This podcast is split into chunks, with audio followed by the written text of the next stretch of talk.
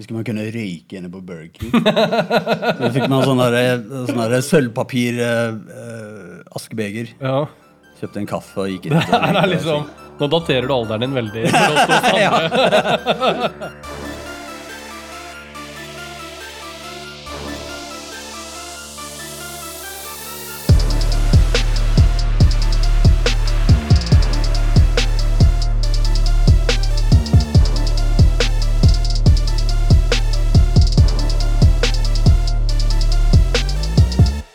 Allepodden.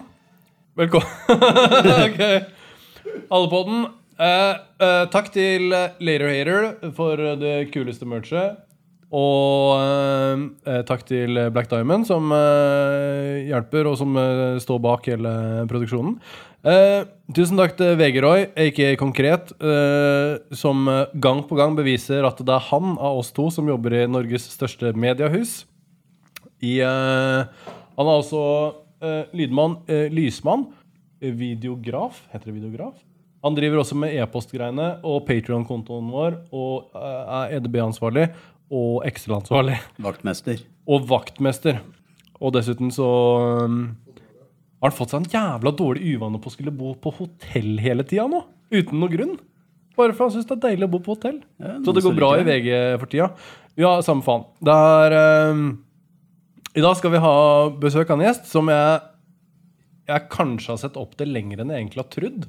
Fordi jeg har Jeg har veldig liksom eh, Jeg liker veldig godt streken og følelsen og utseendet på det han lager. Eh, lenge før jeg visste hvem det var, så helt uavhengig av det, så, så har jeg alltid liksom følt den stilen. Eh, det er skaperen av kanskje den kuleste tegneserien, om man kan kalle det tegneserie, i Norge. Drabant. Eh, han også, står også bak illustrasjonene på en hel masse andre greier som du, eh, kan, som du ser link til under her, eller ja, som det er link her. Og det, eh, follow Hva er det folk sier? Follow and subscribe. Eh, han har også eh, en eh, del av Final Outlines-galleriet, sammen med Easy. Eh, og han er aktuell her i dag på podkasten min. Fy faen. Velkommen, Mikael Noguchi. Hva skjer? Tusen takk. Ja, Åssen er det å være på podkast? Ja, det er vel eh, Jeg har vært med på noen podkast før. Tre-fire andre ganger. Ja, ja. Skada og YLTV Nei, vet du hva heter den, da? Kaffeslabberas. Med Marve? Med Marve. Dobbel skada faktisk òg. Dobbel skade. Mm. Ja, jeg tror jeg var den eneste lytteren, så det, jeg hadde ikke noe valg å ta med inn. Uh, så mekka jeg logo, for jeg ville supporte dem. Ja. Mekka logo for det, må jeg digge eh, Akkurat på den tiden jobba jeg jævlig mye, så det var digg å høre på de prate. Bare ha det på i bakgrunnen. Ja, ja. Så bare faen, det her er dritfett å høre på. De snakker om masse ting de ikke har peiling på. Ja, akkurat som meg. så bare, ja, de ville supporte, så jeg lagde logo til de. Ja, Og så etter det så fikk jeg en shout-out hver eneste episode. Superhyggelig. Ja, Og det er så ble jeg gjest etter hvert. Så det, ja, ja. Egentlig fra Sverige, ikke sant? ja, stemmer. Uh, født i Sverige. Um, bodde mine første 13 år i Sverige. Flytta hit i 1990. Og det var veldig veldig rart. Flytta til Skedsmokorset, eh, bygutt. Flytta til Skedsmokorset, så har en fyr med hiphop-klær og driver og tagger og holder på. Flytter du dit. Det er bare bondegårder og åkre og sånne ting. Eh, så begynte det å dukke opp tags på noen skokrem-tags på skolen og sånt. og Alle visste hvem det var med en gang. Ja.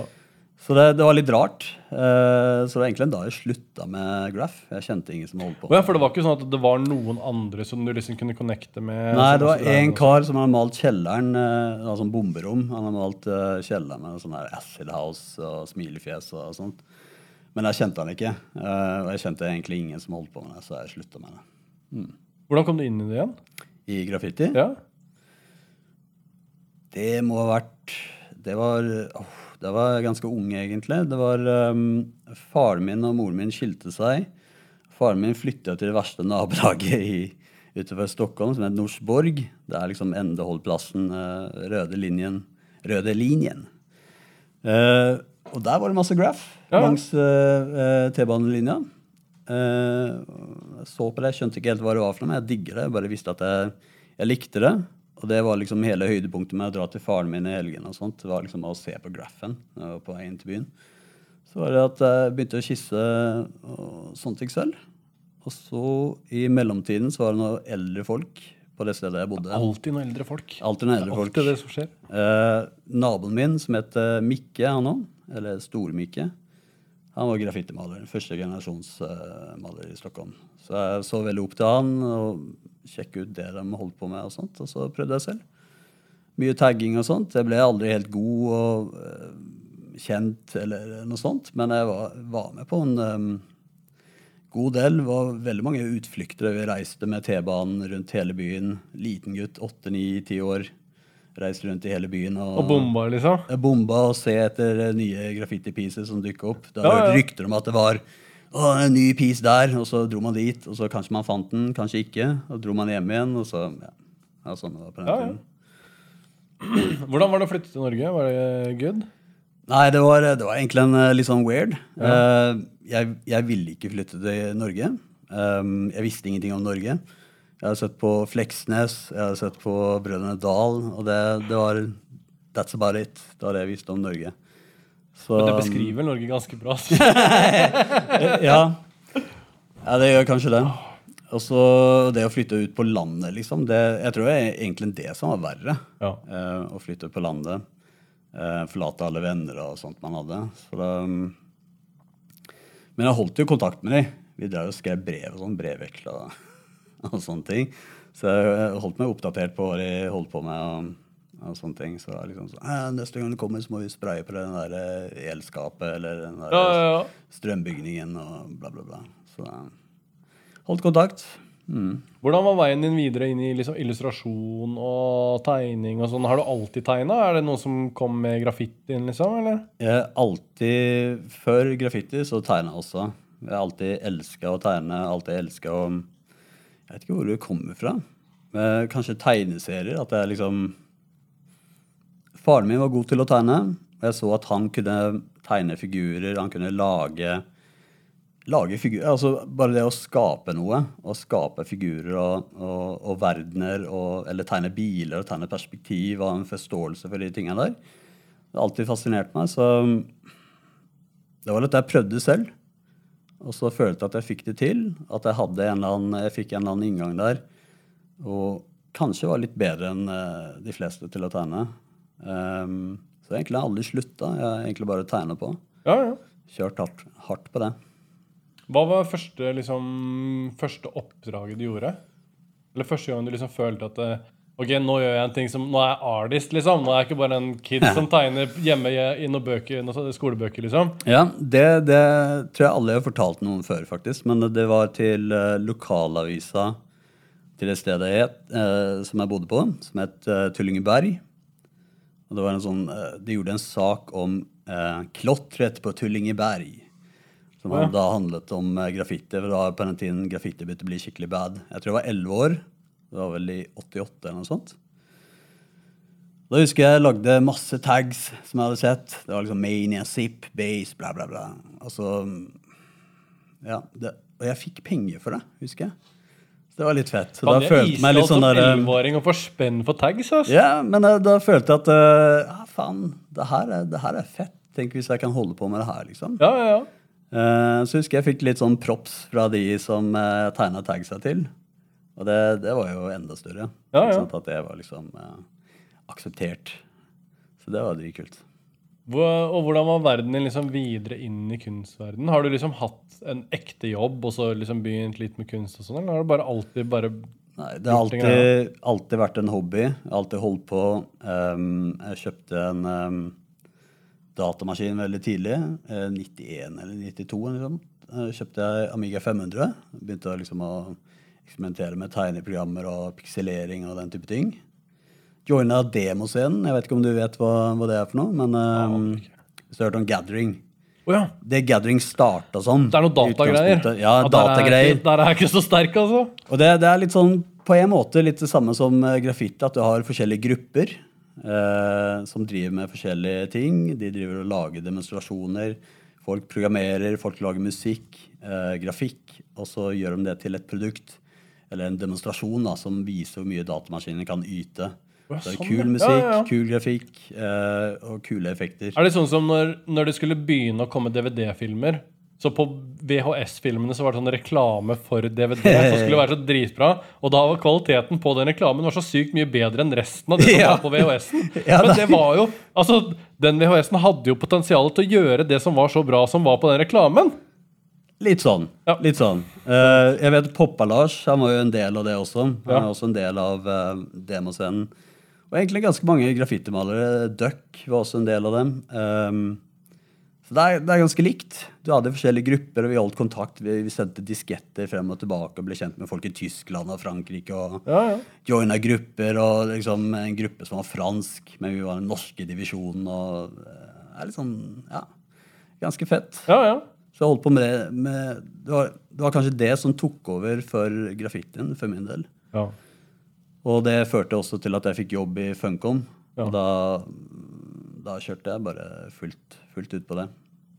Hvordan endte du opp med tegneserie, eller å lage tegneserie? Eller var det no, en ting som du tenkte på at det her jeg har lyst til å lage tegneserie? Eller var det sånn at det kom litt naturlig at du hadde inputen og ville putte det et sted? på en måte? Mm. Jeg har alltid, alltid lagd tegneserier, men alltid slitt med å gjennomføre en hel tegneserie. Jeg har alltid starta på to-tre sider, så ble, eh, har jeg blitt misfornøyd, og så bare legger jeg det på is. Eh, så jeg trengte egentlig en eh, Øyvind Holen til å skrive noe. Ja. For da var det litt sånn plutselig at um, Storyen er der, du må bare illustrere det. Ja, liksom. men ikke bare det. Altså, det er ikke bare det at jeg bare uh, skrinlegger et prosjekt selv, Mm. men uh, jeg skuffer kanskje en annen person hvis jeg gjør det. Så da det ble litt lettere å bare fullføre noe med Øyvind. Um, Mm. Hvordan møtte du Øyvind? Vi samarbeida på en bok som het uh, um, Skal vi se Det var en faktabok om hiphop. Uh, gitt ut av Som het hiphop, sikkert? Den het hiphop, uh, DJ-ing, graffiti og ja. Ja, ja. Den inneholdt noen tegneseriesekvenser, men det er også veldig veldig heavy på illustrasjonsbiten, så hver eneste side inneholdt illustrasjoner. Men det var du og Øyvind som lagde den sammen? Ja. ikke sant? Ja. det var det. Um, han skrev manus på hele greia. Men uh, i og med at det var så mange illustrasjoner, så fikk de tegneseriesekvensene ikke um, den uh, omtanken de kanskje skulle ha trengt. Så vi snakka alltid om å lage noe annet. Hva om vi skulle lage en ordentlig tegneserie? Hva skulle det handlet om? Og sånne ting. Og da sa jeg bare graph. Selvfølgelig skulle det handle om graph. uh, fordi det er spennende. Jeg har erfaring fra det. Eh, det er mange spennende historier vi kan låne ting fra. Mange kule karakterer. Eh, vi kan hente inn ting fra virkeligheten. Eh, så da, da kjørte vi på det. Var det et bevisst valg å begynne å gjøre liksom ekte tags og piecer og ekte folk og putte det inn i tegneserien? I, i når det kom til Ja, jeg, jeg ville gjøre det. For jeg, selv om jeg ikke har drevet med graffiti på lenge, så, så jeg har alltid vært interessert. Jeg har alltid sett litt etter det. Vært litt sånn der eh, Hvis jeg ser en tag, så tenker jeg på det. Eh, Jeg ser om det er en god eller dårlig piece. Så jeg har alltid vært interessert i det. Så jeg, jeg har hatt en viss, viss peiling. Jeg har fulgt med litt. Så det er selvfølgelig, jeg vil at det skal være ekte. Jeg vil at det skal være ehm, autentisk. Så jeg ville hente mye fra virkeligheten. Og da selvfølgelig, hvis det er 1994, da vil jeg ha de cruisa som var oppe på den tiden. Jeg ville ha de writerne som skrev veldig mye på den tiden. Um, også- Har du brukt liksom bilder av piser fra den tiden? Er, Ja, ja, er det så autentisk? liksom? Ja, ja, ja. Jeg, jeg har uh, skanner inn og, og tegna over og Så det er uh, veldig mye sånt. ja, ja. Ja. Så jeg ville ha det på plass, da. Hva syns de writerne om det? Jeg tror hun syntes det var kult. Ja, For det høres ut som et sykt fett kompliment. liksom, Eh, jeg, jeg tror ikke det er så veldig mange som har um, eh, hatt noe mot det. det. Det har vært noen få som har bare å, prøvd å tjene penger på kulturen vår. Ja, det sånn. er litt vanskelig. Det har vært én og to av de, men uh, stort sett så har det vært veldig, veldig positivt. Ja, ja. Jeg tror folk hadde satt pris på det, fordi de liker jo oppmerksomhet. Ja, ikke ja. sant? Ja, det- det- Eh, og- at, at noen folk husker kanskje husker det de holdt på med på den tiden. Og, så, ja. Hvordan, eh, hvordan starta Drabant? Så helt fra starten av første boka, liksom? Var det Øyvind som hadde skrevet manus, eller jobba dere det sammen, eller? Vi, eh, vi Altså, jeg hadde aldri gjennomført en tegneserie, og det hadde ikke han heller, så det var veldig mye sånn her at vi prøvde å finne formen hvor, hvordan vi jobber best sammen. Ja. Så jeg tror vi lagde to eller tre utkast på historien, og vi lagde kanskje seks-syv sider på de to forskjellige eh, utkastene. Men eh, det føltes ikke riktig. Så da måtte vi bare scrappe det, og så bare OK. Eh, jeg husker det ble sånn til at Øyvind trengte ikke å skrive så veldig detaljert. Eh, jeg husker jeg sa til han skriv heller mindre, og så lar det heller meg tolke det. Det tror jeg blir litt enklere. For hvis jeg hele tiden må tenke på ja, den, den kameravinkelen og de, de tingene må være der, da blir det veldig mye for meg å tenke på. Jeg må allerede, jeg må, jeg må jo tegne alt uansett. Det blir ganske mye å holde styr på. Så da ble det bare til at han skrev litt enklere, så lot han meg tyde manuset. Så det ble litt sånn, eh, litt sånn synopsis over det hele. Bare skrev i veldig korte trekk. Har du brukt på liksom main characters og sånn, har du brukt inspirasjon fra ekte folk? Ja, Er det, ja? det, det har jeg. Eh, Jeg skal ikke si så veldig mye om det, men altså Regna med det du har tegnet spørsmål. Det er jo, eh, Det ble er sånn, Nei, vil du snakke om en hemmelighet? Eh, Nei, ikke egentlig. Men det er jo et lappeteppe. Jeg er sikker på at ja. Øyvind, når han skrev veldig mye om han Fredrik, så tror jeg at Jeg tror Fredrik er ganske mye som Øyvind. Ja. Litt forsiktig, og han tør ikke helt å være med på alt. Men han er med. Ja, Eh, og så tror jeg kanskje Viktor er litt meg på en dårlig dag. Eh, ganger ti. eh, jeg er ikke så ute å kjøre som han, men så er det selvfølgelig du, du henter historier og ting og tang du har hørt. Så blir det liksom blir det en komplett karakter til slutt. Ja, ja.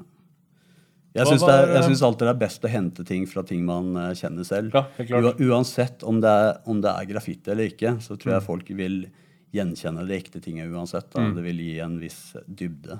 Til Mm. Og det er sånn som når vi snakka om Kenneth Engebretsen eh, Når vi kom i stad, ikke sant? Shout out til Kenneth, eh, som dere så i forrige episode. Der har du virkelig et kroneksempel på eh, hvordan autentisiteten eh, Sier man så Jeg kan ikke si så store ord. Jeg tror man sier det. Hvordan eh, noe som er ekte. Folk gjenkjenner Mm. det som er ekte. Og det er ikke alltid hva man sier eller hvordan man gjør det, men bare det folk sier de detaljene i Ja, ekteheten. ja. Og det er veldig lett å relatere til, da, selv om kanskje Uh, kids som ikke driver med graffiti, vil kanskje Mm. relatere til, eh, til tegneserien og vil kanskje føle at det er ekte fordi det ser ut sånn som de har sett det fra utsida. Mm. Jeg husker vi, vi gjorde et lite poeng uh, ut av det å ikke overfortelle. Uh, og også at vi hadde en del sekvenser der f.eks. han ene fyren han fyller en marker. At vi bare har med den delen der uten å egentlig si noe mer om det. Ja, ja. Eller at vi bruker ord uten at vi hva overforklarer betyr. Liksom. overforklarer hva det betyr. Det, det var et stort poeng for meg, da. Ikke sant? Ja, ja. Eh, Jeg, ville, jeg vil ha med sånne ting. Jeg vil ikke at folk, alle folk skal skjønne det. Mm. De, alle folk trenger ikke skjønne det heller. Og det er, det er jo sånn det er i virkeligheten. ikke sant? Ja, Ja, ja. Det, kommer ikke, men det kommer ikke med en sånn side note-forklaring. Ja, det ordet her, det betyr Ja, det er sånn kidsa sier nå, eller Ja, liksom. sånn der glossary. Sånn der. jeg veit ikke. Jeg tror kanskje vi hadde det på slutten. Jeg er ikke helt sikker. Ja. Det er jo så mye, liksom, men ikke bare ride, men sånn generelle sånn lokale pokaler fra hiphop-miljøet og, Ja. og liksom fra Oslo og sånn, som liksom faen ja, faen, det er jo han Og så Yes. gikk ba, i bakerst i crowden der, så bare faen, der er Ja, de to kidsa der, liksom. Tegne inn Jester og uh, The Pug og Wolverine og Wolverine er med. Uh, Knekk er med. Kelt er med. Kaos og Skill fra Sverige er med. Uh, husker ikke mer. Er det noen flere folk? Men jeg husker jeg hadde det jævlig kult uh, uh, i den tredje boka med å bare slenge masse sånne små easter eggs. Ja, Det var jævlig morsomt. Det er- Faen, nå glemte jeg hva jeg skulle si. Uh, jeg, har, jeg har jævlig mye notater, men jeg Ja. ser aldri på det. Nei. Hva var forskjellen på å gjøre den første boka og gjøre den andre og den tredje? For den første boka var eh, måtte ut litt raskt, ikke sant? Eller jeg har hørt litt et at det Ja, var ja, ja. litt tidspress på det og sånn. Kanskje ikke du kunne gjøre helt det du ville gjøre? Eh, det var jo selvfølgelig sånn her eh, at redaktøren min sier du har døds, dødsgod tid. Ja. Og hvis jeg har dødsgod tid, så bare utsetter det. Ja. Helt til jeg faktisk må gjøre det. Så jeg tror faktisk den boka ble lagd i løpet av tre måneder. ja. Hele boka ble lagd? Hele fuckings boka. Ja, ja. Ikke, ikke manuset og sånt, men Nei, nei, altså, nei. alt ble tegna ut og liksom eh, teksta og allting i løpet av tre måneder. Og da husker jeg satt hjemme og bare satt foran TV-en med beina på bordet. Med en gang kidsa hadde lagt seg, satt jeg oppe til tre-fire hver eneste natt Ja. og tegna på det. Så um, det var jo et stressmoment, for jeg hadde ikke lagd en, en eh, fullverdig tegneserie før. Men på toeren så tok jeg det litt mer med ro. Da visste jeg ok, én tegning tar ca. så og så Ja. lang tid å lage. Så det er litt mer rolig i forhold til det. Hvis du har et år da, så må du jobbe litt hele tida. Litt hele tida. Ikke vente til det er 14 dager igjen til du skal levere. liksom. Nettopp. Hva med treeren, da? Det, føler du at det er noen ting du kunne gjøre på treeren som ikke du kunne gjøre på de to andre? Um, Det her blir sånn veldig sånn nerdete drabantgreier. Men ja, men jeg synes jeg. Takk, takk for at du stiller sånne spørsmål, for jeg, Ja, ja. jeg liker sånne spørsmål. Men uh, i tredje boka så fikk jeg jo mye mer frie tøyler. Første boka så var det sånn her Må det være en slåssesekvens her? Ja. Må det være nudity her? Må det være en sexy Altså det var veldig mye sånt. Må det være ti gram med hasj? Kan det ikke være tre gram? Mm. Altså det, det var veldig, veldig mye sånt. Men tredje boka så bare Gjør hva du vil. Ja. Eh, så da følte jeg at jeg fikk frihet, og det, det var selvfølgelig mye mer, mye mer gøy. Ja, ja. ja, det blir det med en gang man kan gjøre hva man vil, liksom. Hvis du kan gjøre hva du vil, og det var jo da jeg tok kontakt med Kaos og Skill fra Sverige, eh, og Knekk, ikke minst. Jeg, spør, jeg husker jeg spurte han om han var keen på å være med, og Kelt. Jeg hadde veldig mye kontakt med de, stilte de spørsmål. Hvordan gikk dere kledd? Altså Det var veldig mye sånn. da, De Ja, sendte ja, ja. bilder. Og, og jeg elsker å nerde på sånne ting. At ting og detaljer er riktig. At det er på de riktige stedene. At det skal se sånn ut. Sånn så det ut i 1998 eller 1999 ikke sant? på det stedet. At det ikke er sånn ok, bare sånn Google Maps nå. Ja. Ja, ja, ja. Ser ut. Ja. Det liker jeg. Ja. Så jeg, jeg, jeg skjønner jo at jeg har lagd en bok for writere. Jo, ikke, eh, men, men, men, men også eh, Jeg tror bok nummer én var også for folk som bare var unge på 90-tallet. Ja. At de, de kjente seg igjen i De hadde kompiser som holdt på med det. Kanskje de tagga litt, det også. Eh, uansett om det var blitzer eller whatever, så har jeg, jeg har noe eh, Det er noe for alle der. Ja, ja. Det har steder som Blue Monk, og det har uh, alle Subpub og uh, Folk i Oslo kjenner seg igjen, tror jeg. ja, ja. Hva um, Hva eh, I tegneserieverden, hvem er det du ser opp til? Oh, eh, jeg er så gammel, så hvis jeg sier det navnet her, så er det altså, ingen som veit hvem det er. Men eh, Van Gogh og Rembrandt, har du hørt om han? Nei, det er jo Møbius. Chon Giraud. Um, Ja. Han var veldig stor på 70-tallet. Ja. Lagd veldig mye til eh, heavy metal. Det tegneserie sci-fi-bladet som kom ut på 70- og 80-tallet.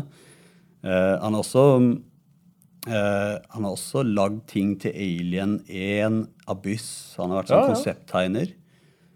Uh, han elsker jeg. Ja. Det er liksom mitt største Faen, jeg var på det. Geiger-museet i Sveits en gang. Var det det? Er sykt. Altså. Det er helt sykt. Kult, kult. Det er så, så sykt som du tror det er. Det er ti ganger sykere enn det. Han har bygd den der, Han har en bar som han Mm. hadde et par barer rundt i verden. Uh, som er bare sånn Det ser ut som sånn alien Alt ser ut som sånn alien-greier. Liksom Stolene er sånne ryggrader med sånn hodeskaller og sånn. Ja, det er helt crazy, da. Jeg kan se for meg at han har hatt veldig mange sånne her rare sånne S, eh, SM-gangbangs i kåken sin. Det- er 18-årsgrense på det museet. Da, for å si det sånn. Nei, Jeg men, ble eh, stoppa i tolla en gang mellom eh, Tyskland og Belgia eller et eller annet. Ja. eh, hvor de måtte De holdt den der til de kunne bekrefte at bildene hans ikke var fotografier. Riktig. De airbrush-bildene hans. Ja, ja, ja. Eh, det var så gærent det var, Jeg liksom. tror alle har gått gjennom sånn gigerfase. Alle som Ja, driver med noe visuelt. Og Ja, ja. er tenåring, så bare ja, giger. Ja, det var dritkult, liksom.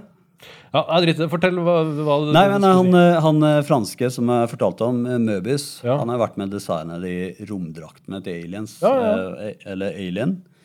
Um, så han har vært med på Fifth Element og designa masse sånne eh, ja, jævlig kult stil. I hvert fall han, eh, Frank Miller, eh, Brian Bolland, som lagde Judge Dredd, Ja. Mike McMahon, som også lagde Judge Dredd, Kristoffer Christopher Nielsen.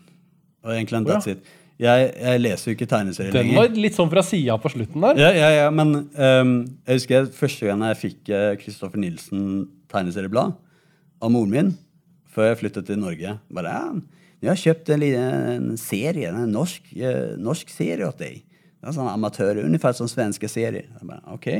Ser jeg på det, jeg hater det. Jeg bare, fy faen, det er skikkelig dritt og dårlige tegninger. Og... Men så har jeg blitt kjent med det i, eh, liksom på seinere tid. Eh, midten av 90-tallet. Narverne eh, Hva er det mer, da? Det er Narverne og alle de tingene der. Ja, ja, ja. Måten han lager karakterer og, og skildrer 70-tallet i Groruddalen, er bare fantastisk. Og det er det jeg To digger trøtte typer. To trøtte liksom. typer, Det er yes. jo helt du, Det er jo sånn du, du ser det med en gang. Én ting er jo den filmen som de lagde, og sånn da men bare i tegneserien For det første, uttrykket er så enkelt, men det beskriver så bra eh, liksom i, eh, settinga hans og dem sin, og hele omstendig Altså, du kan se til og med i tegningene så kan du se mye av han, da. Ja, ja, ja. Eh, ikke bare at han gjenforteller historier som du merker at det er fra hans sitt liv, men du kan se hvordan han har tegna ting, liksom. Hvordan, hvordan han har det.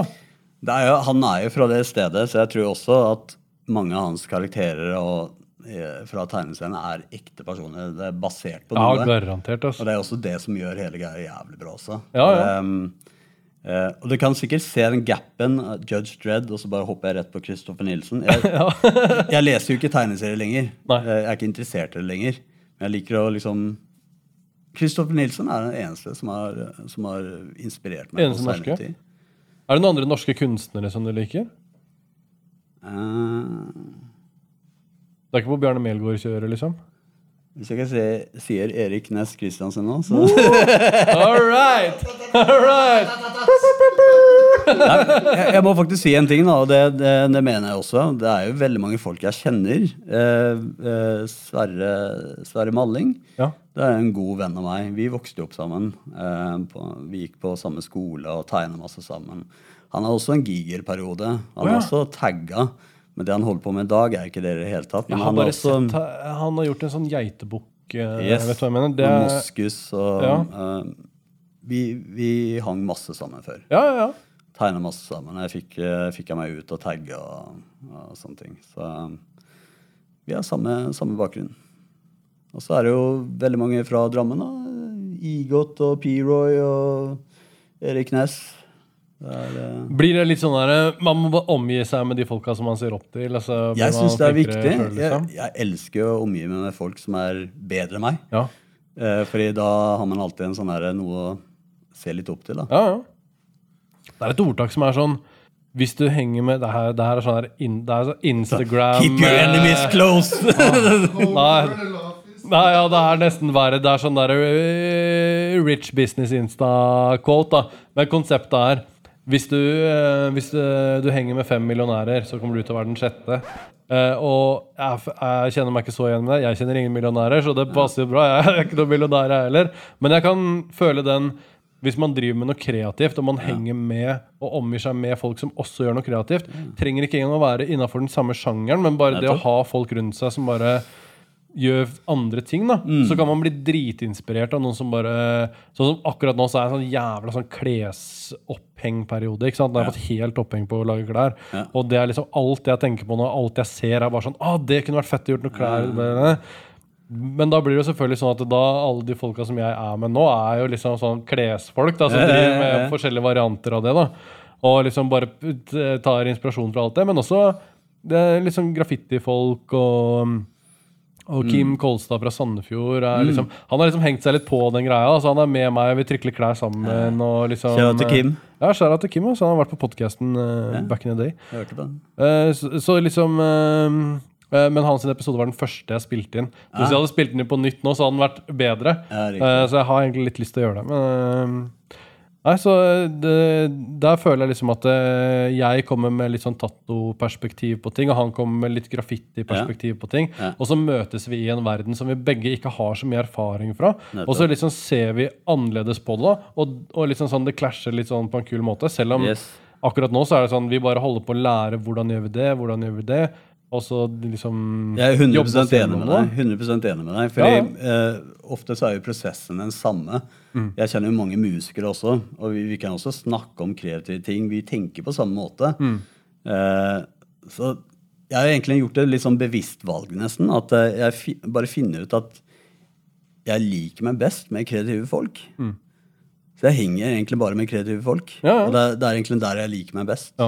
Uansett hva de kanskje holder på med, så bare har vi noe til felles. Nei, jeg kødder ikke. Jeg kan, jeg kan se noen som er jævlig flinke til å avisolere ledninger, liksom. Og så bare Ja. Fy fader, det er så rått, da. Ja. Hvordan liksom noen kanskje har, Du ser de har brukt ti år da på å bare bli helt rå på bare snipp, snipp, snipp, snipp, snipp. Mm. Pling, pling, pling, pling, pling. Og jeg skjønner jo ikke en dritt av det, men jeg bare jeg kan til og med sette pris på det. Sånne småting som du ser liksom Ja. Kanskje i yrker som de, de føler at det her ikke er noe, og det er, ikke er noe gøy, eller at det er kjedelig, eller hva som helst. Men jeg kan bare se til og med den kunnskapen syns jeg er kult Yes. å se, liksom. Ja, men det er bare så lenge det er passion Ja, i det, så lenge det er um, Hva skal man si? At folk er veldig opptatt og nerder litt på en ting. Det, det er alltid, alltid likt. Ja. Jeg tror jeg er mest komfortabel med sånne folk som er litt sånn nerds. Jeg er litt Ja, nerd selv. Eller er fullblodsnerd. Ja. Ja, jeg har sett du lager sånne der, At du lager sånne uh, Hva heter det Sånn Comic-Con-type rekvisitter. Sånn fi yeah. Film og space-rekvisitter og sånn. Ja, det, Fan, jeg vet jo ikke hva noe av det her heter. Bare uh, det heter bare props. Altså det er um, Ja, det, det kan vi kanskje prate litt om, da. For jeg, uh, jeg har alltid vært interessert i film, og helt siden kid. Eh, sånn Ghostbusters, Gremlins, Star Wars og alle de tinga der. ikke sant? Eh, så jeg har alltid vært interessert i de tinga som du ser i filmen. Ja. ikke sant?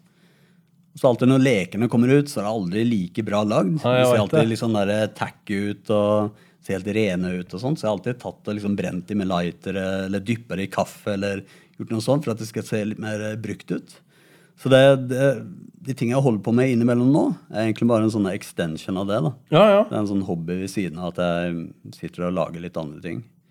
ja. For det er liksom Når man blir fanga i å gjøre kreative ting, så trenger man ikke alltid liksom unnskylde det med at det må være en jobb, eller at det må være et sånn seriøst Nei, nei. prosjekt. Man kan bare gjøre ting hele tida. Det er hobby. Det er, det er eh, altså Selv om jeg ikke jobber, så sitter jeg og tegner. Ja, altså, ja. Det er så mye liker jeg det jeg holder på med. Ja. Jeg, eh, jeg satt jo helt til klokka fire i natt og bare lagde masse abstrakte malerier. Og sånn. Ja, ja. Og elsker det uten å føle at jeg jobber. Og Ja. det, det er liksom Nei, det er, det er bare det. Jeg bare elsker å holde på med det jeg holder på med. Så Men jeg så en sånn, Når man snakker om sånn props Jeg så en Jeg lurer på om det kanskje var på TikTok. Jeg har blitt helt rå på TikTok for tida. Ja. Og der var det en key som eh, Han viser sånn uh, inside-greier. Han jobber i et sånn her prop-studio og viser liksom sånn Du vet når de spiller inn en, en scene, og noen spiser potetgull, Ja. så kan ikke potetgullposen bråke. Nei, nei, nei. For nei. at det fucker jo lyden. Så da lager han for eksempel en potetgullpose som er helt eh, stille. ikke sant? Eller sånn, han, og det var liksom jobben hans, da, å løse sånne der problemer. Og Det er så sykt interessant å se hvordan sånne folk tenker, og hvordan de approacher hverdagene. For det er jo sånne ting som Når faen har jeg tenkt på det? At? Du må lage på ting som liksom eksisterer likt, Ja, men som fungerer på en annen måte. Ja, ja. Eller ting som eh, Altså, eh, jeg vet ikke om du så den pistolen jeg har lagd. Ja, ja, ja. Men eh, den ser jo ser ut som den er lagd av metall. Ja. Men egentlig, hvis du, hvis du hadde holdt i den, så veier den mindre enn telefonen din. Ja. Ikke sant? Det er bare en hul plastikkdings med masse Lego og masse andre deler Ja, ja. innpå. Og så spraya det og fått det til å se ut som det er metall. ikke sant? Det er et eller annet med den illusjonen å kunne lage noe og fortelle noe på en skulptur. Ja, ja, ikke sant? Hvordan kan du gjøre det best mulig måte? Hvordan kan du fake effekter? Hvordan kan du få den til å se gammel ut? Så det, det har alltid fascinert meg ganske mye. Har du, jeg prøvde å være med på sånn derre mm, Det er noe som heter Warhammer. Er ja. Uh, som jeg vet ingenting om det, for jeg, jeg, jeg er for gammel. Men uh, jeg det gikk forbi et sted i Oslo hvor det var sånn der eh, Hvor de kidsa satt og malte sånne der figurer. Mm. Ja. Jeg var sånn Øy, la meg være med og male sånne figurer. Ja, ja. Eh, og de var sånn Ja, sorry, vi stenger om en halvtime. Bla, bla, det er over. Så det, det blir ikke noe. Men det har jeg hatt sånn der i bakhodet hele tida. Jeg har lyst til å male sånne Warhammer-figurer. Men jeg bare aner ikke hvordan jeg skal approache det. liksom Hvis noen der ute driver med Warhammer-greier, bare send, meg, send Roy en melding, for jeg skjønner jo ikke internett. Og så bare fortell meg hvem jeg skal ringe for å gjøre noe Warhammer-greier. Jeg trenger å gjøre det. Du, jeg har gått, uh, gått forbi denne sjappa flere ganger. Ja, ja, ja. Jeg stopper alltid og ser, og det, det er jo dødsbra malt. i greiene. Ja, det er dritfett. tanks og sånne ting. Ja. Men jeg har gått forbi der midt på dagen, og det sitter kids der som egentlig burde være på skolen. Og så tenker jeg sånn Skulker det, eller? For å sitte her Ja, det kom jo rett fra graffitimunnen, da. Det var kanskje ikke noe bedre, det. Han som akkurat hadde vært oppå den linja som elleveåring. Ja, nei, de gjør sikkert det. Skulke, men det er, jo, det er jo egentlig bare dritbra at de skulker skolen for å sitte og male Warhammer. Jeg, jeg har Liksom. alltid tenkt at de kanskje blir mobba. At det liksom Tror du det? Ja, litt. Jeg kjenner noen Altså, min, min uh, bransje det er, Jeg jobber i, i spillbransjen. Ja, ja. Og det er jo ganske mange interessante mennesker der, og interessante personligheter med diverse diagnoser og eh, raringer. Ja, og jeg, jeg skjønner jo at noen av de har kanskje ikke hatt det så veldig lett på skolen. Mm. Så ja. Det, er, det er en måte liksom å finne eh, altså de, Mestring. Finne mestring, et annet sted. mestring og samhold. Og Ja, ja. Det er ute etter akkurat det samme som alle andre. ja. Så det høres ut som egentlig et jævla sunt sted å finne det. Ja, Eh, jeg kan tenke meg veldig mange alternativer som ikke er så sunne, som å finne det i et sånn Jeg tror ikke de begynner med liksom. drugs, da, for eksempel. Og Jeg tror det er dårlig med drugs i jeg Warhammer-miljøet. Jeg tror jeg, det Kanskje er mjød. crack der, liksom. Ja. Mjød. Ja. Mjød, tror jeg det er i Warhammer-miljøet. sånn larping med vikings. Har du vært på sånne ting? Har du vært på larping eller Kamikan eller sånne ting? Nei. Jeg har aldri vært på det. ass. Jeg byg, eh, ok, det er, det er sånn nerdete. Nå kommer det skyte meg i foten, men jeg har drevet og var det ikke Erik som skulle skyte seg i foten, som han sa? Jeg har jo drevet jeg, jeg var jo, Det var en periode jeg samla på Star Wars-hjelmer. Jeg bygga de selv, og jeg skulle ha akkurat sånn som det var i filmen, med alle ripene på samme sted. Jeg hadde syv Stormtrooper-hjelmer. Så var det, liksom, «Å, det er stuntversjonen, det her er versjonen Luke og Han Solo hadde. Det her er Return of Jedi, det her er eh, Empire Strikes Back-versjonen. Ja, ja. Så bygger jeg en Bobafett-drakt. En hel drakt? Med ripene på akkurat samme sted. Jeg bare researcha, brukte tre-fire år på det. Men du, du, du brukte den ikke til noe? Nei, nei, nei. Det var det bare sånn gøy gøy å bygge det. Er det sånn at du liker produksjonen bak, Ja. eller skapelsen Yes. bak, da? Ja. Jeg har ikke noe plass til å ha det. Nei. Jeg med det. Så Jeg også er veldig sånn Jeg liker den eh, ska, skapelsen. Emil Ringheim sier at jeg For jeg kaller det for produksjon, men det høres så plastikk ut når man kaller det produksjon, så jeg må kalle det skapelse. Men jeg også liker Det er liksom det jeg liker best. Jeg liker Mm. å lage det, og så Og den følelsen når man lager det, så når det er ferdig, er ikke så farlig for meg. Det er sånn det med graffiti òg, vet du. Ja, ja. det er sånn jeg, jeg tenker aldri tilbake på en piece jeg har lagd, eller noe sånt. Nei. Bare fy faen, den var bra. Det er mer sånn der stemningen. Eh, kanskje malte med Erik, eller det Ja, var ja. liksom en fin dag på en sånn måte. ja. Resultatet har jeg egentlig ikke ja, Noen ganger så er det resultatet, selvfølgelig. Men Jo, da, jo, men det er jo, man har jo noe man skryter, vil skryte litt av ekstra. da drar jeg alene. sånn. Det er de gangene jeg drar alene, så oh, ja. jeg ikke blir forstyrra. Ja. Ikke høre på han uh, skravle Tjatringa hans. Nei, jeg har faktisk eh, i det, siste så, I det siste så har sønnen min begynt å bli super graffiti-interessert. Kult. Så, um, og han er tolv, eh, så han er liksom bare sånn Det begynte veldig sånn smått, og så var ja, jeg syntes det var kult med graffiti og sånn. Men han har virkelig ingen knagger å henge det på. Eller han har akkurat blitt tolv, altså han var elleve fortsatt når han begynte å bli litt interessert i det. Og liksom sånn, Det er ingen andre, det er ingen av de kidsa som driver med graffiti liksom, på hele skolen. hans. Han går på en ganske stor skole. Det er ingen som driver med det. Så tok jeg med den opp på vanntårnet, da, og så malte vi en dag. liksom. Da ble han helt gira. Og bare, ah, det her var helt sinnssykt. Og bare, ah, vi må kjøpe de fargene, vi må gjøre sånn. Og begynte å tegne skisser og hadde noen planer. Og liksom sånn, og vi må gjøre sånn og sånn. Og så dro vi til Drammen, malte på Lovligveggen mm. der nede på brygga, liksom. Fikk med kimoen og sto ute i sola. Og da snakker vi om den opplevelsen som du eh, tenker på. ikke sant? Når vi da står ute i sola, kødder, har på litt musikk yeah. og har med litt å spise og liksom er en hel dag. Det var, det var sånn 25 grader, og det var liksom helt perfekt. da. Og da liksom det skikkelig sparka den der følelsen. da, At det liksom sånn, åh, det er en sånn eh, Det, det gøy. og det Det greiene der. Akkurat den biten der, den uh, det er uvurderlig. Altså, det å liksom merke hvor gøy det er, og så bare Ok, nå skjønner jeg litt, men jeg skal gjøre det bedre neste gang. Ja. Den, den biten der skjønner jeg så jævlig godt. ja, ja. Ikke sant? Eh, Det er kult. Altså, nå, er jo, nå har han vært helt fanga. Han har vært på sånn Han var til og med på sånn graph-kurs med Kim eh, Ja. i Sandefjord der og sånn. Altså, har vært, vært og malt en del litt, eh, litt forskjellig. Marte, vi malte en piece, og så må vi gjøre litt sammen. Han er veldig opptatt av at dette her er sånn team effort, da, for vi er et crew, liksom. Og så er det Team Effort, så nå har vi hatt litt pause, da, for det har vært litt dårlig vær i det siste. Men han er sånn, han er fanga i graffitiverdenen. Han har ingen å gjøre det med, så jeg gjør det med en jeg, liksom. Det er kjempegøy. Altså, jeg malte eh, Torshov-veggen eh, for en uke siden eller noe sånt. Og da husker jeg jeg så en kid. Han, han var kanskje 12-13 eller noe sånt. Han sto alene, dratt dit alene, kjøpt maling. Um, han sto noen plasser unna meg. Masta sto ved, eh, ved siden av meg, og så sto han kiden ved siden av Masta og så malte. Jeg kødder ikke, han burna alle oss som var der. Og det var en, jeg tror det var den andre pisen, eller første eller andre pisen. Ja. Så jeg måtte bare gå bort til han og bare Yo, det, her- det er dritfett. Ja, ja. Kule farger, og spurte hvor lenge han har holdt på. Han bare, andre pisen min. Det syns jeg var dritbra. Men det er litt Bare sånn det at du drar dit alene og ja, gjør det, det. faen meg, det krever baller, altså. Ja. Og, og tørre å gjøre det. Spesielt når du kanskje vet at de andre som er der, er voksne. Ja. Og de har holdt på med det her i liksom dobbelt så lenge som du har levd. Og sånn, Ja, ja, Og så ja, ja. fortsatt ha ballene til å gjøre det. Ja. Og du bare har nesten akkurat starta. Men det er min erfaring fra, fra liksom tattoverdenen òg, at du har jævlig mye kids som Mm. Han her har kanskje ikke så mye bakgrunn fra noe annet, da, men et, et eller annet sted har han jo henta inspirasjon. Men jeg er jo fanga i min måte å gjøre ting på fordi jeg har blitt lært opp sånn som jeg har gjort. Altså jeg Mm. har liksom en sånn eh, bagasje med opplæring som er sånn Alt jeg tenker, tenker jeg ut ifra den her bagasjen. Men jeg ser det når vi er rundt og jobber på messer. Hvis jeg, hvis jeg jobber i Los Angeles eller jeg jobber rundt i Roma eller Amsterdam, i sånne store byer hvor det er jævlig mye folk som holder på, så er det ofte de kidsa som har holdt på kanskje to år. da. Mm. Men de har bakgrunn i liksom spilldesign, da, eller i keramikk, eller i noe helt Eller eller airbrush, eller hva som helst. Så de kommer fra en helt annen verden. Og så har de kommet inn i tattoverden, og så har de bagasje fra et annet sted. Der ser du det som er liksom virkelig spennende. da. De andre som meg, som kommer med sin tattobagasje, vi gjør jo bare sånn «Ah, Her er ABC. Vi, vi kan det greiene som alle vi felles har lært, liksom.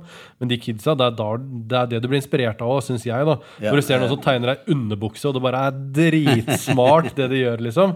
De bare tenker på en helt annen måte, liksom. Jeg, jeg ser jo helt klart likheter med, med graffiti og, og tattoo. Ja, ja. Det er eh, ganske mange likheter. Det er mange, sikkert mange teknikker og ornamenter, og det er eh, sånn burde du gjøre her, sånn burde alle gjøre der. ja.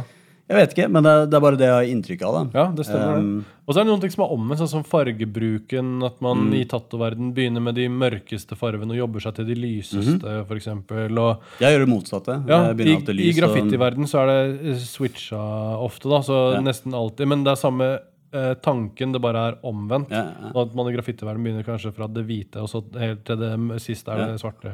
liksom. Eh, men det er også noe med den tankegangen. Da. Mye av det er jo bokstavbasert, og liksom eh, Hvor mange ganger kan man skrive en bokstav på forskjellig måte? Svaret er ganske mange. Og det, Det er, tenker eh, man ikke på hvis all erfaring man har, er løkkeskrift fra skolen og skrive på en datamaskin. Men hvis du liksom har det, Sånn som jeg, da, så er det sånn Hvor mange ganger kan du gjøre en løkkeskrift-tatovering og få den til å se forskjellig ut? Det må være ganske mange ganger, for du må prøve å switche det opp litt. Du kan ikke gjøre det samme greiene hele tiden. liksom. Nettopp, nettopp. Og sånn er det i nå. Er liksom, hvor mange ganger kan du skrive navnet ditt på litt forskjellig måte? Ja. Ikke ende opp som Cap One, liksom. Eller bare ha én burner. Uff, jeg må bare fortelle en liten eh, greie. da. Jeg, jeg tror kanskje jeg la ut et falskt rykte om at eh, Cap One er død. Men eh, Han er ikke død i det hele tatt. Nei, Men han, hadde, han har fått hjerneblødning ja, ja, det, det, det er en stund siden. Og så, eh, så har vi jo han herlige fyren fra Sandefjord som la ut en sånn Cap One-greie. jeg, jeg sendte den til han. Gjorde du det? Ja. ja, fy faen. Er det din feil, da? Ja, det er det. Så jeg bare, jeg bare Åh, shit, er han død? Så bare googla litt, så fant jeg en sånn der, en død link. Sånn Cap One, uh, graffiti artist dead. Trykker jeg på den, så bare Do you want to add this to calendar? Jeg bare Hell no! og så orker jeg ikke mer. Og så gikk jeg inn på kommentarene på hans siste post, det sto sånn 'Rest in peace'. Jeg bare Fuck, han er død. Så la jeg ut en sånn cap fra, throw up, og så bare 'Rest in Å, ja. peace'. Og så tegna jeg en, en tegning av Cap One, bare 'Rest in peace'. La ut det. Og så begynte jeg å få sånne masse meldinger fra Duck og eh, Wolverine. Så bare Hei, jeg finner ingenting eh, om det her. Ja, ja. Og Tommy bare Jeg husker jeg sa til Tommy T. Han bare Hæ, er han død? Jeg bare Ja, eh, det er eh, all over internett. Så han la ut sånn derre Rest in peace, Cap One. og så la han ut sånn snippet fra en eller annen sang han har lagd. Jeg bare åh, fuck. Det er han duden der som har lagt ut sånn falsk rykte. Å, helvete. Men han er jo Det var nok kanskje rett før, da, for det er sånn Jeg tror, ikke han kan bruke venstrearmen, liksom. Han, han er ganske kjørt. men, Han har fått eh, slag, Ja, det ser jeg. Og så ser jeg når han liksom lager sine throw-ups. Han, han ser jo ut som han er 78 år. Ja. Så Han ja, er ikke så langt unna heller, skjønner du. jeg tror ikke. Jeg skal legge ut den tegningen. eh. Ja, ja. Jeg, jeg tror jeg skal researche litt mer. Hvem er favorittwriteren din fra den tida der? Fra den tiden? Ja. Um, fra den tiden så er det T-Kid og Scheme. Ja. Um, jeg liker min one nå, men det det er et eller annet med personligheten. Jeg syns ofte med Graff så er det ikke alltid hva de holder på med, men det er bare om det er fete folk. ja. Jeg skjønner litt hva du mener. For jeg tror kanskje mine sånn favorittwritere også er sånn folk som bare har én throw-up. Ja. Det er sånn Scene og Cope og Det er liksom folk som De har ikke så versatile stil. Jeg tror, jeg lurer på om ikke Cope Om throw-upen til Cope er Cap One som har laget Jo, til det, Jo, det stemmer. Ja, det har jeg hørt Han sier det selv. Så, Men, men uh, her igjen, da, så er det litt den der jeg har en favorittwriter eller noe sånt. Jeg har ikke den, for hvis du bare følger en person bare Hvis du ser på writere på min alder, eller som er ganske gamle og etablerte, de holder på med én ting. ja. Så jeg liker ikke bare å se på samme tingen om og om, om igjen. Jeg liker de som tester litt og prøver litt. Så jeg har én favorittwriter, og det er for at han aldri Han, han har ikke funnet sin stil. Han leter ennå. Og det er Ikaros fra NG, en svensk writer. Ja, ja. Elsker jeg. ja, ja. Eh, veldig, veldig Altså, alt han lager, er forskjellig. Ja det er Så drøyt. Pike eh, en annen Ja, jeg, vet, jeg er ikke så inn i graph-verdenen, men Nei. eh, jeg har jeg, li, liksom jeg, liker, jeg liker å se ting fra Hva med sånn derre er du, eh, hva, hva med liksom Banksy og det street art-greiene og sånn, da? Jeg, jeg likte det til å begynne med. Jeg husker det var en sånn der, når Street Art kom, sånn 2002-2003. Vi fikk den der boka Ja, det var stencilrevolution.com, Ja, ja, ja. så var det kule, liksom. Det, det syns jeg var fett. Og da, da husker jeg det var veldig mange Da lagde til og med jeg stensil. ja, ja, ja. Men alle, alle ble jo jo, og jo da. Jeg drev med stensiler i femte klasse. Sånn Public Enemy. Ja, ja. Ja, ja. Men, men jeg husker i hvert fall det var veldig mange som begynte med det. Og det var, det var nytt, det var interessant. Det var ikke bare graph, det var ikke bare bokstaver som folk ikke skjønte. Det var litt mer karakterer og sånn. Da syntes jeg det var liksom litt spennende. Men nå har det bare blitt en sånn derre Den stensiluttrykket er jo ganske likt. Det er veldig mange som holder på med det, det er veldig mange som ligner på hverandre. Og så har det alltid litt sånn naivt budskap. Sånn 'make love, not war'. Hvorfor kan ikke alle bare klemme hverandre? Bla, bla. Ja. Ja, det kan jeg være enig i. Eh, Jeg tror kanskje Jeg liker noe Banksy-greier, men det er mer sånn Når han Banksy, altså. setter opp sånn jeg gjør det. oppblåsbare Guantánamo Bay-dokker i Disneyland og sånn. Ja. Det syns jeg er gøy. Eh, ikke så mye de der stensilene som er sånn eh, punker som kaster blomsterbukett, eller nei, liksom nei, nei. Jeg liker den der, eh, den der shredding eh, art, Ja, den var fin. artworken. Den, var den, faen var fin. fin. Ja. Det, det er ideen. Og så Ja. liker jeg Jeg vet ikke om, om det er Banksy, men det er en kar som maler omriss på skyggene på natta. Og når det blir dag igjen, så ser jeg de skyggene fortsatt. Ja. Det, det syns jeg er dritfett. Ja, det er kult. Eller han som bare lager om alle de der trafikkstrekene, sånn at de bare går i helt sånne insane Ja, ja. retninger og sånt. Ja, ja. Det syns jeg er morsomt. Sånne ting. Det må ha litt humor. Ja, jeg var på en Banksy-utstilling en gang. Jeg har vært på Banksy-utstilling mange ganger. Men jeg var på en Banksy, Obey, Nickface, Mr. Cartoon og Kaas-utstilling i uh, Los Angeles. Mm. Og da var det veldig mye Det var veldig mye, Jeg tror kanskje jeg snakka om det her på podkasten før. Men da var det mye sånne um, installasjoner. Ja. Så jeg tror Banksy var liksom sånn to stykker som uh, sto på skuldrene til hverandre og malte sånn der ti meter over bakken. Han hadde en kis i en sånn der eh, biohazard suit som spilte golf. Liksom sånn eh, ekte installasjoner, da. Mm, mm, Og det var sykt fett. Neckface hadde lagd bare et smug. mm. Det bare var liksom klippet ut et smug fra en skitten bakgate i New York. Ja. Og så bare putta inn på kunstgalleri. Ja, ja. Som er, jeg syns sånt er superfett, liksom. Når det er så gærent som det, liksom. Men eh, jeg, jeg må også si det at street art trenger ikke alltid være murals. Altså, jeg liker bedre hvis det er en installasjon, eller hvis ideen er god. Ja, ja. Ikke bare en fuckings mural. Ja. Det spørs jo om vi ser på street art som at street art bare er den stensilbiten, da. Eller om street art er kunst fra gatene for gatene, på en måte. Nei, men eh, det, det, er, jo, Ah, det, er, er- det at de, de tar plass Ja. uten å spørre om lov. Ikke sant? Uh, jeg syns ikke stensilene er At stensiler er street art, for det er, det er det vi er vant til. Jeg syns heller det er at de tar seg lov. De bryter loven og gjør noe. Kanskje de lager noe. Kanskje de setter ut den der fiberglasspikken nede ved blå, eller hva som helst. Og den blir bare stående der, og folk lurer på hva det er for noe. Er, det, er den der for en grunn, eller ikke? Ikke sant? You Og det gjør det enda bedre, da. Sånt Enn hvis det kult. står en sånn liten plaque under hvor det står liksom eh, Bjørneboe 1977, Ja, ja, ja. og det er kjempeforklart. Så, og folk er sånn Ja, ja, det, det er noe kunstgreier. Mm. Det når man gjør det der eh, momentet som du vet ikke om det er ekte, eller hva som egentlig er tanken bak det, eller hva som egentlig skjer, og så må du stoppe, og så må, må du tenke litt sjøl, og liksom så faen kanskje researche det litt. og så Det skaper jo en hel sånn interaksjon da, og en reaksjon Mm. i forhold til sånn når man bare putter kunst Eh, når man putter en statue på et torv, og det her er liksom en eller annen kis eh, fra 200 år siden som gjorde en ting, og alle driter i hva det er for noe, liksom. Folk ser jo ikke sånne ting engang, liksom. Men hvis du putter en sånn random ting som ikke hører hjemme der, på det samme stedet, så blir jo sånn som den der statuen i England som har den der traffic conen på hodet, som de, purken tar ned den conen, og så kommer det en ny en på natta hver natt, liksom. Det har, det har vært sånn i sånn 25 år, eller hva Men- faen det er for noe, liksom. Sånn er det oppe hos meg på Sandaker. Det er en liten sånn parkgreie der du pleier å parkere utenfor Pizza Pancetta. Det er en fontene med, med en eh, dame som blir spruta opp med kaldt vann. Sånn bronsestatue. Ja, ja. Det er alltid noen som putter på en lue eller skjerf eller ja. eh, eller Ja, ja. eh, noe sånt. Det er, det, det er forskjellig hver eneste dag. Eller hver eneste uke. ja. Er det street art? Nei, jeg vet faen, jeg. Men det får deg jo til Altså, du tenker jo på det, at det er sånn. Men kanskje ikke du hadde tenkt på den statuen hvis ikke det hadde vært sånn? Nettopp. Hmm. Så jeg syns det er en sånn enhancement av det som er, allerede er der. Ja, ja. De tinga som vi tar for gitt. Men Ja. så er det en liten eh, rar vri som bare er litt off-putting. ja, ja. Sånne ting syns jeg er spennende. Hva er, hva er kuleste kunstneren du vet om sånn internasjonalt? Har du en sånn all time-favoritter? Um, jeg skiller litt mellom folk jeg syns er flinke, og folk jeg syns Det blir litt sånn med, Kristoffer Nilsen Nilsson, at jeg digger fortellingene hans. Ja. Jeg vet ikke, kunstner. Jeg har alltid vært sånn Dali- Dali-fan, Ja. husker jeg. Jeg lagde en sånn særoppgave om han på, på videregående. Syns han har vært fantastisk.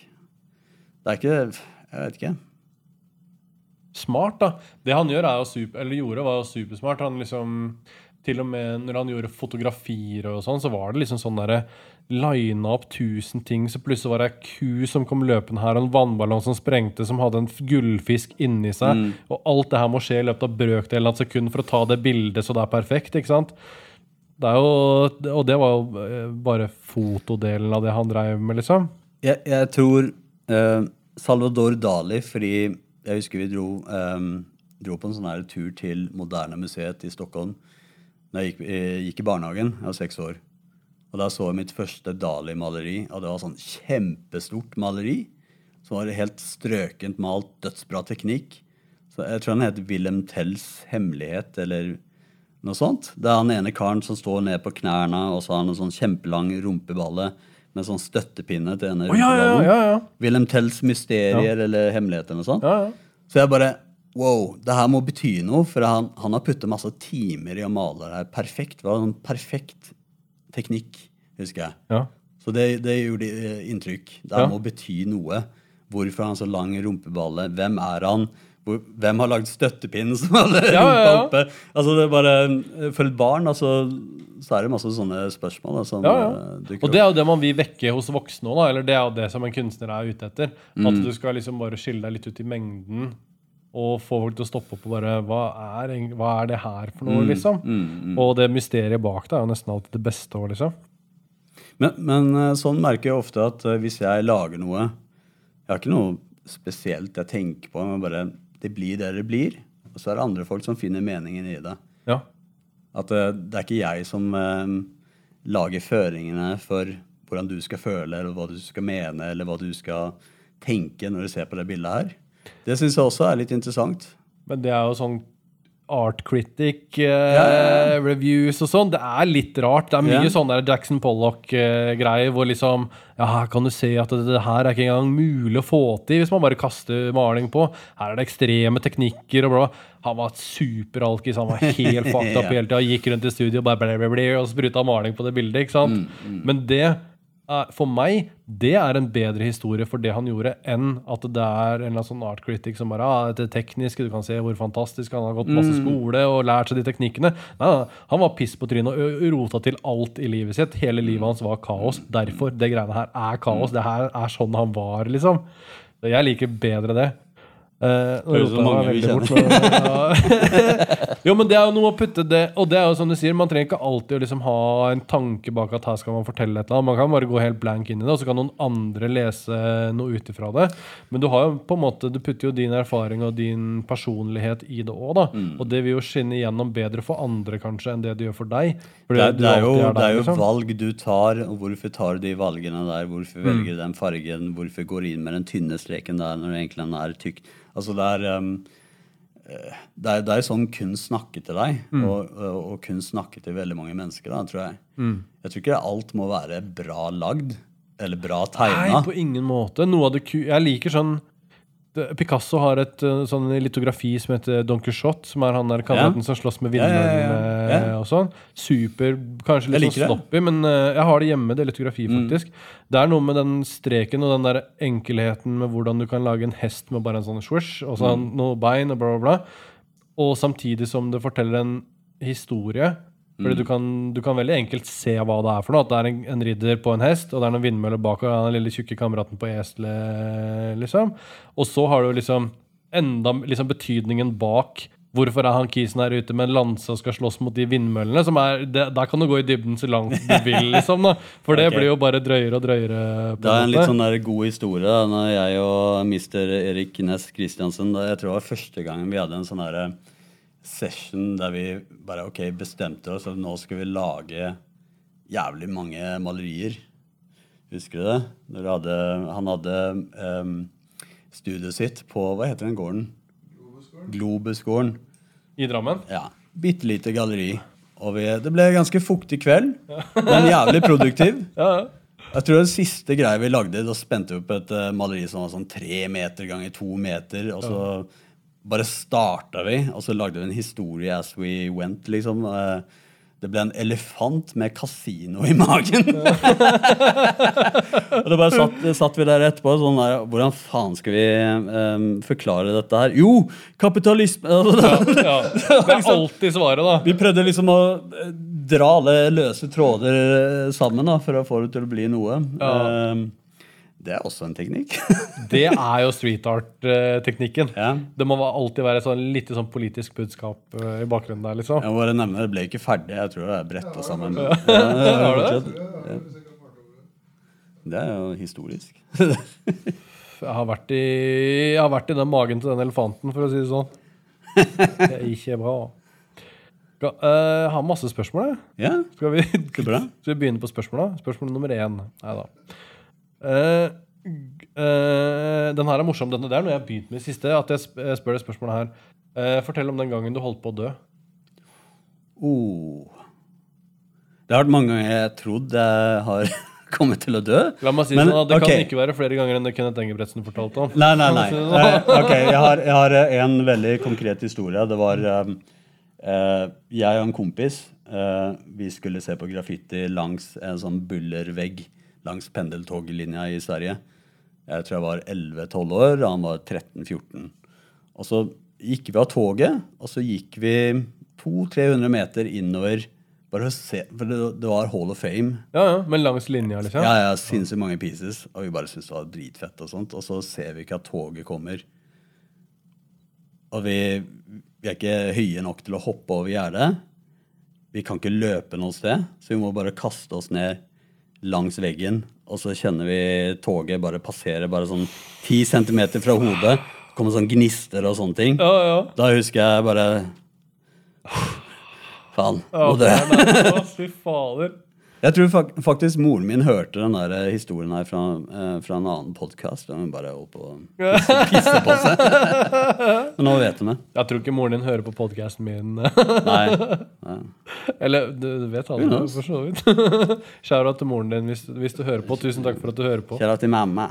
Og ser på på YouTube, kanskje. For dette her er på, Ju- hvis du hører på nå, husk på at dette her er på YouTube, og du kan gå inn på YouTube på YouTube-isopodden.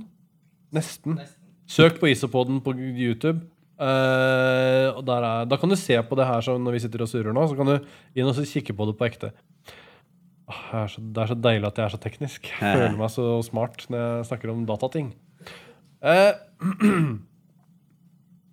hva med eh, hva? Hvordan er det å fòre en rev med chorizo-pølse? Det er veldig koselig. Det er veldig, veldig koselig. Er, eh, du må bare sørge for å ha sånn her 10 cm spacing mellom hver chorizo-pølse. Ja. Så dykker han etter hvert opp i stua.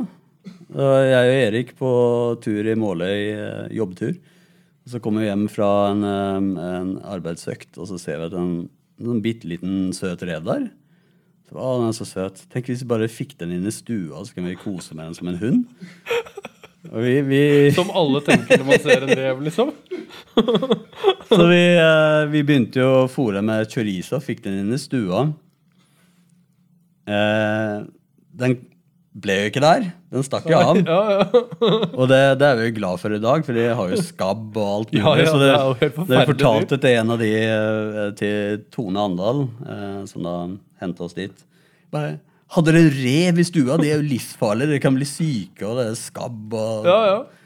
masse greier. Så det ja, Men dere fanga en rev, liksom? Dere fange den? ja, en søt rev. Veldig, veldig søt rev. Jeg fanga en slange en gang. Hør på det her, da. Jeg fanga en chorizo? slange uh, uten chorizo, men med to pinner. Sånn devil sticks. Ja. Så fanga jeg en slange i Everglades. Og så skulle jeg vise den til gutta mine. Og, og liksom sånn, ah, altså De var så langt unna, de var oppe i bilen. Så jeg bare, ah, fuck it. Jeg legger slangen ned igjen, og så løper jeg og henter de, så kan, jeg, kan de komme og se på slangen som jeg har tæsja. Og så kom de ned og så var slangen vekk. Ja. Eh, og så var, ble, det dårlig stemning. Oppi, oppi hettegenseren? Ja, det hadde, enda, det hadde vært helt Den er her enda. Ja, det, men i hvert fall da, så viste det seg um, um, Når vi stoppa bilen uh, et par timer seinere på sånn tr truckstop, så henger det sånne svære plakater ikke sant? med sånn Du må passe deg for de her tingene. Og da var det en sånn slangeplakat, og øverst på lista så var det en slange som jeg hadde fanga. og det var en et eller annet cottonmouth-greier. og den var sånn at uh, hvis du ble bitt i ikke noe vits å kjøre på sjukehuset, for du har ca. 20 minutter, så er du dau. Riktig, riktig. riktig. Eh, og det er den siste slangen eh, jeg har fanga. Ikke prøvd på det siden. Heller ikke fanga noe rev. Nei. Jeg tror rev er litt, uh, litt bedre. Jeg ville he- heller ha fanga rev uh, enn en slange. Kan kose litt før, eh, før du eventuelt får skabb. Nei. Eh, eh, la meg spørre om det her, da. Hva er eh, favorittrynet ditt å tegne? Ikke lov å si Anne. Er det deg, Roy? Er det det? Ja? Eh, folk, hvis man ikke skjønner det, altså folk sender inn bare masse sånne Ja, random det må, jo være, det må jo være Erik, da. Ja, den er fin. Eh, det er liksom eh, Jeg elsker å tegne folk jeg kjenner, for jo mer du blir kjent med folk, jo mer ser du karakteren, og jo mer kan du fremheve visse trekk og, Ja. og sånne ting. Og det syns jeg er dritgøy. Og Erik er jo Han er jo liksom han er jo tegneseriekarakter nummer én. Vi drev og snakka om at du skulle være en sånn derre Remember, kids! jeg, jeg tror faktisk jeg lagde Erik ufrivillig til en karakter som het uh, Lill Selvinnsikt. Ja. Jeg vet ikke hvor mye han var med på det i begynnelsen, men jeg bare kjøpte på briller. Disse her skal du ha. ja. Kjøpte på fake grills fra Wish. Bare, ja. Så lagde jeg en sånn der gullkjede av um, sånne der, eh, leirer du kan eh, bake. Så sprayet jeg gull, og så lagde jeg en chain til han. Og så sa jeg til han eh, hver gang du har um, Nå må du bare gå med tracksuits, ha rørleggersprekk og en liten lue på hodet, brillene og grills, så er det lill selvinnsikt. Ja, ja, ja. Og det Det er du som har tegna det bildet som vi brukte til uh, profilbildet til podkasten Ja. til Erik. Hvis du går tilbake Da- da kjente han ikke. Noen, gjorde du ikke? Nei, Ikke, ikke så godt, iallfall. Ja, ja. Um, han uh, spurte om jeg kunne lage noen bilder. Jeg husker jeg gikk inn på, på Facebooken hans og prøvde å finne bilder. og sånt. Da. Så um, jeg ville nok lagd det annerledes i dag. Det ville jeg nok. Ja, men det er noe med det Det er veldig fint uttrykk. Og så er det en så Ja, jævlig karakter. Det er liksom sånn Det er jo en overjustering av karakteren, på en måte. Han er, eh, han er en karakter, og det er liksom Etter hvert som du blir kjent med folk, så ser du jo særegenskapene, og du ser hvem de er, og jeg bare elsker å ta tak i det og bare dra litt i, Ja, ja, ja. i spakene og se hva, hva som kommer ut. ja, ja. Det er veldig gøy. Noe, men det er jo liksom Det er jo sånn du gjør det, er ikke helt sånn derre de som sitter i Syden og tegner barna dine, eh, hvis du skjønner hva jeg mener? da. Du, jeg prøvde også. Ja, har du det? Operasjon Dagsverk på Sørumsand eh, senter. Ja. Eh, Alle folk går omkring med cowboyhatt og sånt. Så bare, ja. eh, karikatur 50 kroner. Ingen spurte. Jeg det der- Jeg satt der hele fuckings dagen. Kan tenk nå, de kunne solgt de for 50 lapper. Kan de angre? Vel, vel, vel. jo, jo, såpass må det være. Uh, det hva, hva driver du med nå om dagen? Hva er liksom hoved, uh, hovedtingen du holder på med? Hovedtingen er Jeg jobber med dataspill. Det er Ja. det som er min faste jobb. Ett dataspill, eller generelt? med Flere dataspill? Jeg jobber med dataspill helt siden uh, 94. Ja. Så det har vært min faste jobb. Men uh, Hva gjør har- Designer du og sånn, eller? Uh, jeg driver egentlig med alt. Jeg har vært innom eh, alt storyboarding, eh, 3D, animasjon. Men eh, nå har jeg bare narrow it down, da, for jeg, jeg er mest komfortabel med å drive med 2D. Ja. Karakterdesign og bakgrunnsdesign og bare konsepter og den type ting. Så det er, det er egentlig det jeg holder på med. Jeg jobber i et selskap som heter Megapop. Vi lager mobilspill og PC-spill. Det, Hvilke spill er det du har jobba på? Hvis du har sånn skryteliste jeg, har, jeg har ikke noe skryteliste. Um, Bare si jeg, jeg, Candy Crush. jeg har sikkert jobba på 50 spill, og så oh, ja. har du kanskje hørt om. Jeg har sikkert ikke hørt om noen, men Jeg jobba på spill som het IGI, ja. Project, uh, Project IGI, uh, på 90-tallet, som ble litt kjent. Eh, Ja, ja. Ble gitt ut av Eidos. Så en av de første sånn first person-shootere som er litt sånn sneaky uh, De har en sånn strategi for å snike inn på baser og den type ting. ja, ja. Så den, eh, den ble ganske stor. Den er jeg ganske stolt over. Eh, Eller så er det Pocahontas. Som da Se på her, ja. Pocahontas ved Disney Interactive. Eh, som var sånn non-violent eh, spill. ja. Så du, du kan ikke slå folk, du kan ikke drepe, drepe noe. For det var sånn når, de, når britene kom over og skulle interacte med Ja, ja, nativesa i Amerika. ikke sant? Så det var non-violence og love, peace og unity all the way to heaven. Jeg, jeg, jeg, jeg tror ikke de kjørte den stilen her. Det var men, ikke eh, helt virkelighet. Indianerne var litt mer sånn her ett med naturen og bla, bla. Ja, ja. Så det var veldig mye sånt. Eh, Det var sånn, Du må samarbeide med fuglene og naturen og Å, ja, ja, ja. være ett med naturen. Så mm, jeg er litt stolt over innsatsen der, selv om jeg ikke syns det er bra spill. Eh, Hva ler du av? Det er favorittspillet til Erik, ikke sant? Han ble så skuffa nå. Men, men uh, uh, jeg må jo si én ting, og det, det er Project IGI. Jeg bare googler det litt, og det dukker opp liksom eh, en internettfanside med over en million likes. Serr? De har lagd en eh, sånn unofficial sequel til det spillet. Det ligger ute noen sånn, eh, ligger ute concept art som jeg ikke har gitt ut engang. Jeg skjønner ikke hva det er å få tak i det. Og det, de har lagd det med Unreal Engine. De har lagd et nytt spill som har ser helt fantastisk ut. Ja, ja. Eh, så det er jævlig kult. Så i, på, uh, det her ins på Instagram-innlegget til denne episoden så kan du rulle noen bilder bort. Og Der finner du bilder fra det som han snakker om nå. Det ordner, det ordner Vegard. Mm. Right, right, right. Eller jeg ordner det, men du minner meg på det. Eh, Jeg må jo si en ting. da. Det, det som var kult med det spillet der, var jo bare omfanget. Fordi eh, vi hadde forlaget som eh, publisheren som het Eidos. Det var de som ga ut Tomb Raider og sånt. Ja, ja, ja. På 90-tallet så var det jævlig mye spenn i omløp, så vi fikk jævlig mye spenn til å lage det spillet her. Så vi leide inn konsulenten til han som har lagd Kyte Han som var konsulenten på Heat. Til den Å, ja. skytescenen på slutten. Oh, ja, ja, ja. Eh, hva het han? MacNab. Um, et eller annet MacNab. Andrew Det er så fett. Den er filmet de har filma det på ekte. Alt er Yes. location i Yes. Los Angeles, og det er jo helt sykt. Så vi hadde han på jobben. Opptaket fra audioen er jo fra location og sånn. Ja, ja, ja. Det var dritfett. Vi hadde han på, på jobben. superheat-nerd, skjønner du. Så han, ja, jeg også. Jeg Ja, ja. elsker den scenen. der. Men han fortalte oss hvordan du dreper folk på mest effektive måte. Du skal ikke bare skjære av halsen sånn. eh, Du skal stikke kniven inn, og så skal du vri litt om.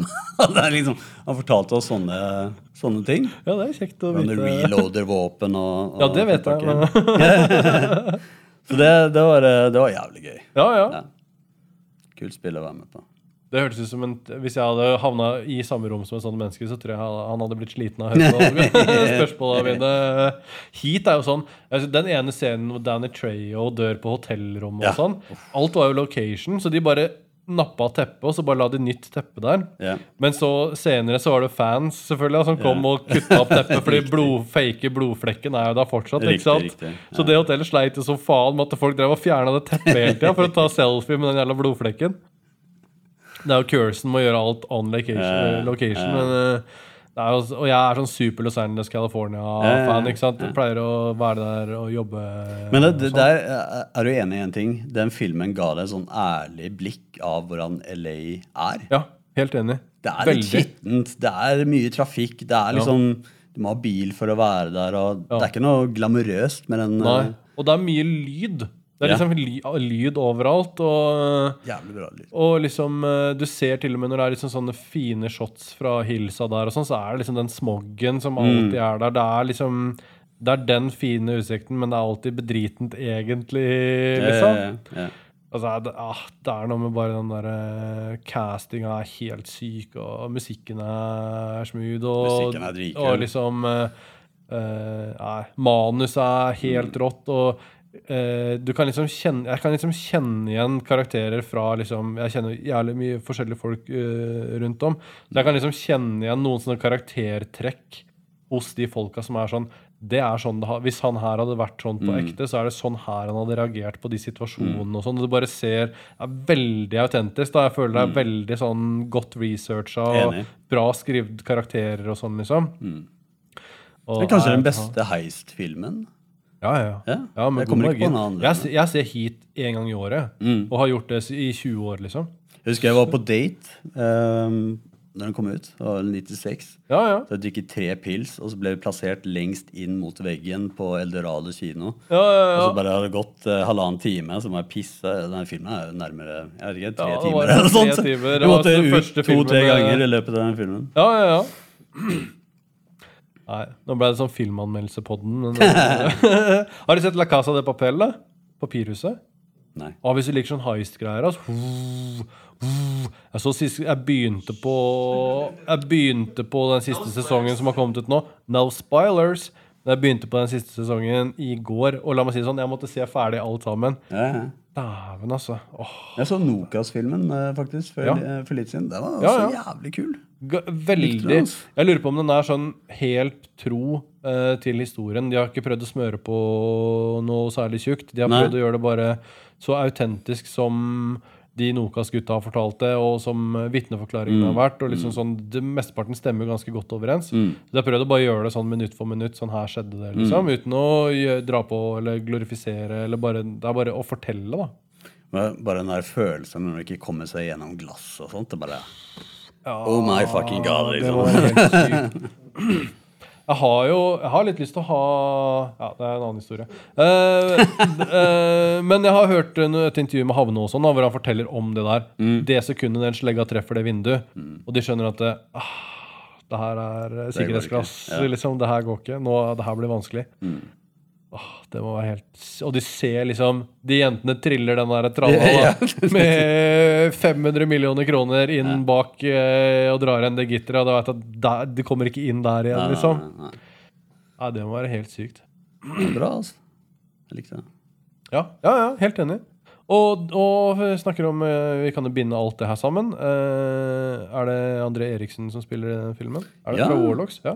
Så Da er vi tilbake i både graffitiverden og eh, alt er pakket sammen med en pen, liten bukett. Mm.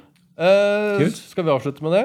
Det kan vi godt gjøre. Jeg følte at det var så helt perfekt. Nå avslutter vi med noe graffitigreier etter å ha snakka om helt random alt mulig rart. Eh, først så vil jeg si Husk Patrion, står det nederst her. Vi har Patrion eh, fordi jeg og Roy skal ha julebord. Så gå inn på Patron, kjøp ting eh, på Patreon. Kan vi kjøpe ting der? Jeg vet faen. Gjør, gjør hva man gjør på Patreon. Og eh, ka, kanskje du får ting. Kan du få ting derfra? Jeg vet ikke en dritt om Patreon. Det er helt sykt. De får eksklusivt innhold. De får eksklusivt innhold og masse snacks, sier Roy. Jeg vet ikke, men hvis du går på Patreon, så kan jeg og Roy ha julebord. Det er, det, det er nå det jeg tenker. Eh, Mikael, tusen takk for at du ville være med på podkasten. Takk selv. Det er mest sannsynlig mest surrete podkasten i Norge. Men det er sånn vi liker det. Ja, men jeg syns det var kjempegøy. Ja, absolutt. Takk. Takk for oss på den. Later.